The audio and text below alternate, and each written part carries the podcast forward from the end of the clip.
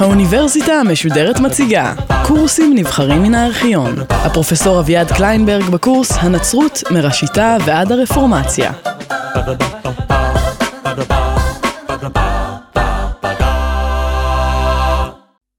בהרצאה הקודמת ציינתי כי אחת התגובות לקץ הרדיפות היא תנועת הנזירות. הזכרתי את uh, אנטוניוס הקדוש, שלו מיוחסת תחילת הנזירות מן הסוג ההרמיטי, כלומר אותם נזירים שיוצאים מן הערים אל המדבר ומתבודדים שם. וישנו סוג נוסף, הסוג השני מתפתח בשנות ה-20 של המאה הרביעית, uh, והוא הנזירות הקנוביטית, כלומר הנזירים החיים בקהילה מיסודו של פחומיוס. פחומיוס, חייל לשעבר בצבא הרומי, מבין או מזהה את הבעיות בסוג הנזירות ההרמיטית, כלומר שאנשים חיים ללא שום פיקוח, שהם יכולים אה, לנטות להגזמה מסוגים כאלה ואחרים, שהבדידות היא דבר מסוכן, ומייסד קהילות. אחד מהעקרונות הבסיסיים של הקהילה היא שכל אנשי הקהילה משגיחים זה על זה בצורה כזו או אחרת. אה, ישנם אה, סוגים שונים של קהילות, וישנם סוגים שונים של תקנונים, משום שאחד הדברים שפחומיוס עושה הוא כתיבת תקנון לקהילה. כלומר, הקהילה הזאת איננה חיה על כאין קונסנזוס משתנה, אלא מצייתת לתקנון שמכתיב את אופי חייה. אה, שני הסוגים, גם ההרמיטי וגם הקנוביטי, נפוצים במהירות במזרח התיכון. במדבריות השונים אה, של אה, אזור יהודה, של סוריה, ככה למשל ליד אנטיוכיה, חי לו הנזיר סימון סטיליטס, אדם אה, מיוחד שבילה כ-20 שנה במעלה עמוד. כשהוא קורא על עמוד גבוה, אה, למעלה היה איזה משטח שהוא יוכל לשבת עליו, והוא הפך להיות אדם מאוד פופולרי, כאשר התנועה שלו בין הסוג הקנוביטי לסוג ההרמיטי היא אופיינית. הוא חי במנזר, הוא חי בקהילה. ובאיזשהו שלב הוא מסתגף בצורה כל כך איומה שראש המנזר שלו מוצא צורך אה, לנזוף בו. וכאשר הוא משיב במילים, אה, אני החוטא הגדול ביותר בעולם, אומר לו ראש המנזר, זוהי גאווה, אתה לא החוטא הגדול ביותר בעולם, אתה חוטא קטן בדיוק כמונו. סטיליטס לא מוכן לחיות במקומות שבהם יש רק חוטאים קטנים, והוא הולך לו אל העמוד שלו. ב-358 אה, כותב בזיל הקדוש, תיאולוג, אה, אדם חשוב אה, שחי באסיה הקטנה, אה, רגולה נוספת, המילה הלטינית לתקנון, והיא אחת מן הרגולות שנשתרשו ונשמרו בחברה, בכנסייה האורתודוקסית. כמה מילים על, על אופי הנזירות, בעצם על התופעה הזאת, תופעה חברתית שעכשיו מתחדשת בחברה של המאה הרביעית. היו תופעות של כאין סגפנות גם בחברה הפגאנית, אה, אבל מטרתן הייתה על פי רוב טיהור המשרתים בקודש למלאכות הדורשות הימנעות מטומאה. כלומר, כמו שאצלנו הכהן הגדול לפני יום הכיפורים אה, צם ועובר אה, שורה של טבילות, כמו שמשה רבנו, כאשר הוא עולה להר סיני, צם במשך 40 יום ו-40 לילה, היו אנשים שעל מנת לעסוק בקודש, היו נמנעים מיחסי מין, אה, עוסקים בסוג כזה או אחר של סיגוף, לפעמים חיים בקהילה. הנזיר של המאה הרביעית איננו משרת בקודש. הוא איננו ממלא תפקיד ברור בתוך הקהילה, אין לו תפקיד ממסדי. הנזיר של המאה הרביעית הוא אתלט, זו המילה שמשתמשים בה, אתלט הקריסטי, הוא האתלט של ישו, הוא אדם שבאמצעות האימונים הסגפניים של הסגפנות, העינויים החמורים של הסגפנות, רוכש לעצמו כוחות מיוחדים בעיני האל. וכוחות מיוחדים לצורך מה? כוחות מיוחדים כדי להשתתף במאבק, כדי להשתתף במאבק בשדים, כדי להשתתף במאבק שקיים בעולם. משום שהעולם הוא זירה של אה, מלחמה בין הכוחות הטובים לבין הכוחות הרעים.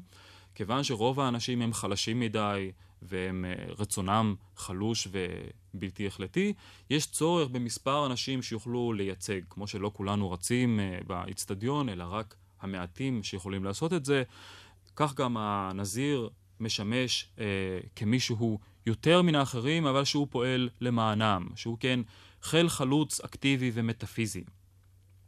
והכוחות שהוא זוכה להם, אה, בזכות המעשים האלה, הם רבים ושונים, למשל הזכות לדבר בציבור, מה שנקרא אה, ביוונית פרהסיה, הזכות לדבר לפני אנשים אחרים ולהביע באופן חד משמעי את אה, דעתו, לשמש כעין אה, נביא ומוכיח, לייצג אה, את התפיסה של בין אם זה הנצרות או התפיסה החברתית, או לשמש כעין מבקר חברתי.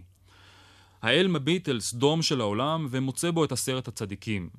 לולי הם היה האל מכלה בשאר את זעמו.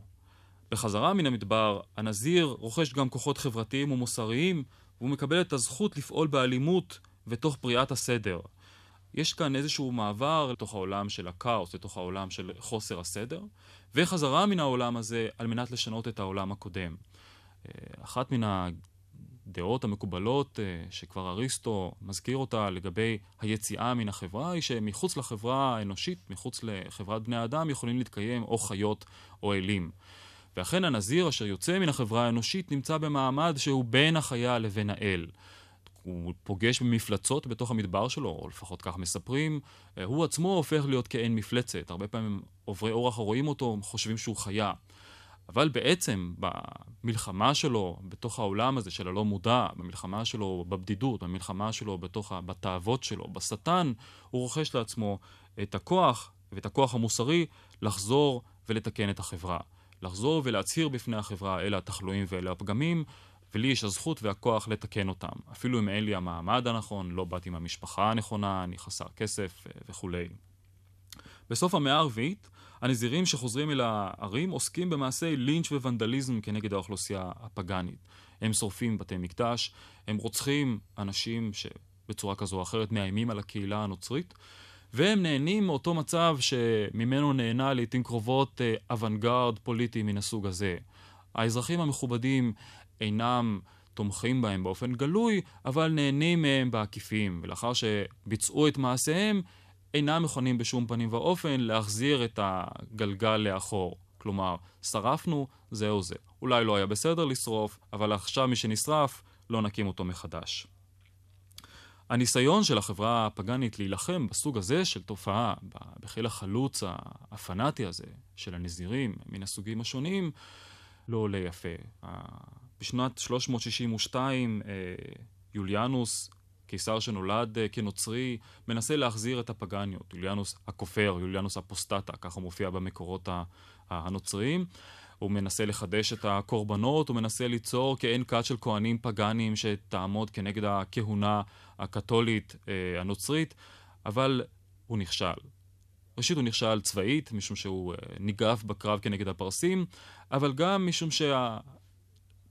שלו כבר איננה הפגניות הישנה, אלא היא ניסיון לחקות את הנצרות. והניסיון הזה נכשל. החקיקה האנטי-פגנית, אה, החל מ-394, עוברת להיות אה, יותר מאשר פשוט העדפה של הנוצרים. היא עוברת להיות אה, שורה של מגבלות שמוטלות על אנשים פגאנים, למשל מגבלות בהורשת הרכוש, למשל מגבלות בייצוג חוקי בפני בתי משפט, ובשלב יותר מאוחר גם uh, מגבלות חמורות על חופש הפולחן. אבל האירועים מתרחשים לא רק בתוך האימפריה. אה, אירועים חשובים מתרחשים מחוץ לאימפריה. מעבר לגבולות האימפריה מתחילה תופעה שאנחנו קוראים לה נדידת העמים. ישנו לחץ הולך וגובר של העמים הברברים השונים, הוויזיגוטים והאוסטרוגוטים, ההונים והוונדלים, הבורגונדים האחרים, על האימפריה. והלחץ הזה נותן את אותותיו בשורה של אירועים אה, שמזכירים לאנשי התקופה שסדר העולם שהם נטו להאמין שימשיך תמיד, אה, נעלם. שהעולם שהם האמינו בו הולך ומתפורר לנגד עיניהם.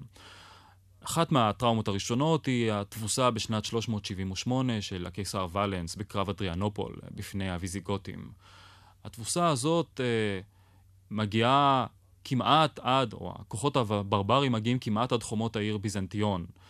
אה, אפשר, ברגע האחרון, היורשים של ואלנס מצליחים אה, לשכנע את הוויזיגותים לנוע מערבה. אה, אבל התזכורת הזאת, תבוסה של צבא מרכזי שמונהג על ידי הקיסר בפני לא קיסרות אחרת, כמו למשל הפרסים, אלא בפני יחידות ברבריות, התזכורת הזאת היא תזכורת מעוררת חלחלה. ובשנת 410, אם היה צריך הערה מן הסוג הגרוע ביותר, בשנת 410 אלאריך והוויזיגותים שלו כובשים את העיר רומא, לא פחות ולא יותר. כדי להשוות את זה ל... לימינו, אפשר היה אולי להשוות את זה לאפשרות ש... לא צבא מסודר אפילו, אלא נגיד שודדים מקסיקנים היו כובשים את העיר וושינגטון די.סי, ובמשך שלושה ימים בוזזים אותה ואת בנייני הממשל, את המוזיאונים אה, של העיר. הזעזוע הוא עמוק בכל רחבי האימפריה.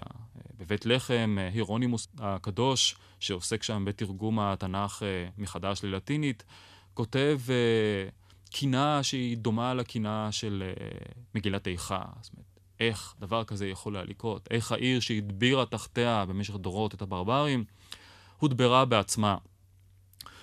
ובצפון אפריקה, בעיר אה, היפו, הבישוף אוגוסטינוס נואם בפני הקהילה שלו במשך שלושה ימים רצופים. יש לנו אה, דיווחים על הקהילה. ביום השלישי אוגוסטינוס מתלונן כבר שהוא צרוד לחלוטין, משום שהקהילה שלו נמצאת במצב של פאניקה. והתגובה של אוגוסטינוס אולי משמעותית מבחינת הנצרות, אה, כמעט כמו שמבחינת הפגאנים היה, אה, ומבחינת תושבי האימפריה בכלל, היה עצם הכיבוש של העיר רומא לשלושה ימים. אוגוסטינוס מעוניין להשיב על uh, הביקורת הפגאנית האומרת כי מן הרגע שהפכה הקיסרות לנוצרית, התחילו הליגיונות uh, מוב, להיות מובסים בצורה יותר שיטתית. התגובה של אוגוסטינוס היא כי מה שמשמעותי איננו העולם הזה בסופו של דבר, מה שמשמעותי הוא עולם אחר. אוגוסטינוס מתחיל אז לכתוב את ספרו החשוב אודות עיר האלוהים. אודות עיר האלוהים כנגד הפגאנים, זהו השם המלא. הוא מפתח תיאולוגיה המסבירה מדוע האדם, מדוע הנוצרי, נמצא עלי אדמות במצב של עובר אורח, הומו ויאטור. מקומו האמיתי של הנוצרי הוא בעיר האלוהים, הוא בעיר השמימית, ואין הוא נמצא על הארץ אלא כדי להעביר את אותו פרק זמן קצר שלפני הטרקלין. והכנסייה כולה נמצאת בעצם במצב של הגירה, במצב של ריחוק, במצב של ניכור מן המקום האמיתי שלה.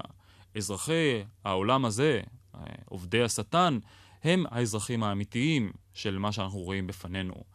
הצדיקים המעטים נמצאים על פני הארץ מתוך ציפייה לחזרתם הביתה, הביתה אל עיר האלוהים. החשיבה הזאת, האומרת, בעצם לא חשוב מה קורה ברומא. החשיבה הזאת האומרת, בעצם אין משמעות לניצחון או לתבוסה של הליגיונות, משום שהכבוד האמיתי, משום שהמקום האמיתי של למה אנחנו רוצים איננו בעולם הזה, הייתה לה השפעה גדולה על uh, התפתחות החשיבה הנוצרית מאוחר יותר. אוגוסטינוס uh, חידש שורה של חידושים uh, בנושאים אחרים, ועליהם uh, לא נתעכב עכשיו, אולי נזכיר אותו מאוחר יותר. בשנת 476 אין יותר אה, קיסר במערב. הקיסר הרומי האחרון, רומולוס אוגוסטולוס, אה, מסולק על ידי אה, אחד המנהיגים הברברים, אודואקר. ומן השלב הזה אנחנו צריכים לדבר יותר ויותר על הפרדה של הכנסיות במערב ובמזרח. במזרח נשארת אימפריה, ביזנטיון, בצורה כזו או אחרת, מחזיקה מעמד עד שנת 1453, כאשר אה, היא נכבשת על ידי הטורקים העות'מאנים. והכנסייה שם מתפתחת פחות או יותר על פי המודל של הכנסייה מתחת, תחת קונסטנטינוס ויורשיו. הווה אומר, הקיסר ממלא תפקיד חשוב ומרכזי בחיי הכנסייה, הוא מנהל אותה, הוא משתתף בכינוסים שלה, אה, במידה רבה הוא אדון לכנסייה שלו. אה, במערב, לעומת זה, אין יותר קיסר, והכנסייה צריכה להתמודד עם מצב אחר, עם מצב שבו השליטים לעתים אינם נוצרים כלל, ולעתים אחרות הם נוצרים מן הסוג הארייני, משום שבאיזשהו מקרה היסטורי, המיסיונרים שנשלחו על ידי קיסרי רומא אל הגותים היו אריינים. כלומר, הגותים, הן הוויזיגותים והן האוסטרוגותים, היו אריינים, כלומר מינים, על פי ההגדרה של הכנסייה האורתודוקסית. והעניין השני שהם צריכים להתמודד איתו הוא מצב של התפרקות השלטון המרכזי. הוא מצב שבו כל מוסדות השלטון המרכזי שסיפקה האדמיניסטרציה הקודמת אה, מתערערים בצורה מאוד משמעותית, והכנסייה צריכה א', למלא חלק מהם, לתפוס חלק מן המקומות, וב', לתת תשובות למצב כזה של, של כאוס, למצב כזה של חוסר ביטחון, למצב שבו העולם מסביב אה, נראה עולם שהוא לא רק אה, מלא בשדים, כפי שאמרנו קודם, אלא גם מלא בחוסר ביטחון של חיי היומיום. התערערות הקשר בין חלקים שונים בתוך האימפריה המערבית עצמה. עוד ארחיב על זה את הדיבור בפגישה הבאה, אבל uh, ברור שכיוון שאין יותר שלטון שיכול uh, להשגיח על הדרכים, כיוון שאין יותר שלטון שיכול לוודא שדברים עוברים, אנחנו נתקלים במצב שבו יותר ויותר כל קהילה צריכה לספק לעצמה תשובות משלה, משום שאין תשובה אחת לכולם. אחת מן התשובות החשובות ביותר אה, שניתנות למצב החדש אה, היא התפתחות הנזירות מן המין הבנדיקטיני. אה, בנדיקטוס מנורסיה היה איטלקי שבשנת 540 מחבר רגולה חדשה לנזירות המערבית. והרגולה שלו משקפת במידה רבה את מצב העניינים במערב. התפיסה שלו היא קודם כל פסימית ביותר, היא מושפעת אה, במידה רבה מאוגוסטינוס הקדוש, שדעתו על המין האנושי לא הייתה גבוהה במיוחד. ושנית, באה לענות על הצורך לפתח קהילה שלא תהיה תלויה בעולם החיצון, שתדע לענות על צרכיה אה, בעצמה, ושרואה את העולם החיצון כאיום, כאיום אה, משמעותי, הן ברובד המוסרי והן ברובד אה, הפיזי. מה אנחנו יכולים להגיד על הרגולה הבנדיקטינית? היא מתחילה באיזושהי קביעה שישנם סוגים שונים של נזירים. ישנם ארמיטים, ישנם נזירים הנעים ממקום למקום, ישנם נזירים החיים בקבוצות קטנות ללא רגולה. כל סוגי הנזירות הזאת, מלבד ההרמטיזם, שמבחינתו של בנדיקטוס הוא שלב אחרון ולא שלב ראשון בדרך אל השלמות, נתפסים על ידי בנדיקטוס כמסוכנים מדי. המין האנושי חלש, חלש מדי, ואי אפשר להניח לבני אדם לעסוק בנזירות הירואית, שזה היה בעצם סוג הנזירות שמשך את הדור הראשון של הנזירים במדבריות של מצרים. בנדיקטוס סולד מן האירועים ההירואיים בנוסח סטיליטס. בנדיקטוס סולד מן הסמיכה על הרצון, על היכולת של כל אחד מן הנזירים להחליט אה, למען עצמו. מה שהוא מנסה ליצור הוא קהילה שהיא תהיה קודם כל אוטונומית. כלומר, הקהילה צריכה לחיות באזור כפרי, צריכה להתקיים מיגיע כפיה, צריכה עד כמה שאפשר לא להיות תלויה באף אחד אחר. לכל היותר, הסמכות היחידה שבנדיקטוס מאפשר, אה, מאפשר לתפקיד, הינו תפקידו של הבישוף המקומי, שיכול להתערב אם הדברים משתבשים בצורה משמעותית בתוך המנזר. אבל עד כדי כך מגיע החשש שלו מן העולם החיצון, שהוא מצווה אפילו להעמיד בשער של המנזר אדם שהוא זקן ואולי קצת נכה, על מנת שלא יוכל להרחיק לכת מן המנזר. כאשר אנשים רוצים להצטרף למנזר, הם צריכים לעבור טירונות קשה ומחמירה, שבה נאמר להם שוב ושוב, מוקראת להם שוב ושוב הרגולה, ומודגשות החובות הרבות של הנזיר, מודגשים הקשיים הרבים של אורח החיים, ורק לאחר מכן אפשר לצרף את הנזיר החדש, את המועמד החדש של הקהילה. התקופה הזאת של צינון במשך שנה נועדה אמנם במידה מסוימת לאפשר חניכה של הנזיר החדש, אבל במידה לא פחות חשובה היא נועדה להגן על הכנסייה מפני הזיהום של אדם שבא מבחוץ, שעדיין רגיל לחשוב בעצמו. הסכנה העיקרית היא הסכנה של הרצון, היא הסכנה או האפשרות שאנשים במנזר יחשבו בעצמם. היא לכך קובע בנדיקטוס במנזר שלו שתפקידו של האב המנזר הוא לא רק תפקיד של אב במובן של אחריות מוסרית, אלא הוא תפקיד של כעין מלך. כעין מלך וכעין נציג של ישו עלי האדמות. הנזירים צריכים לציית לו בלי אף שאלה ומיד, כאילו הם עצמם מתים וחסרי כל רצון. יש לו זכות לפגוע בפרטיותם, יש לו זכות לשלול מהם דברים, יש לו זכות לצוות עליהם, והם צריכים לציית לו מבלי שום מחשבה. והם צריכים לציית לו משום שעל ידי אי הציות, איבד האדם את גן העדן. ובאמצעות הציות יכולו אולי לחזור אל גן העדן. והחזרה הזאת, על פי תפיסתו של בנדיקטוס, יכולה להיעשות רק על ידי ויתור טוטאלי על העצמי. הרגולה של בנדיקטוס מנסה להיות התקפה על האגו, מנסה להיות התקפה על האני.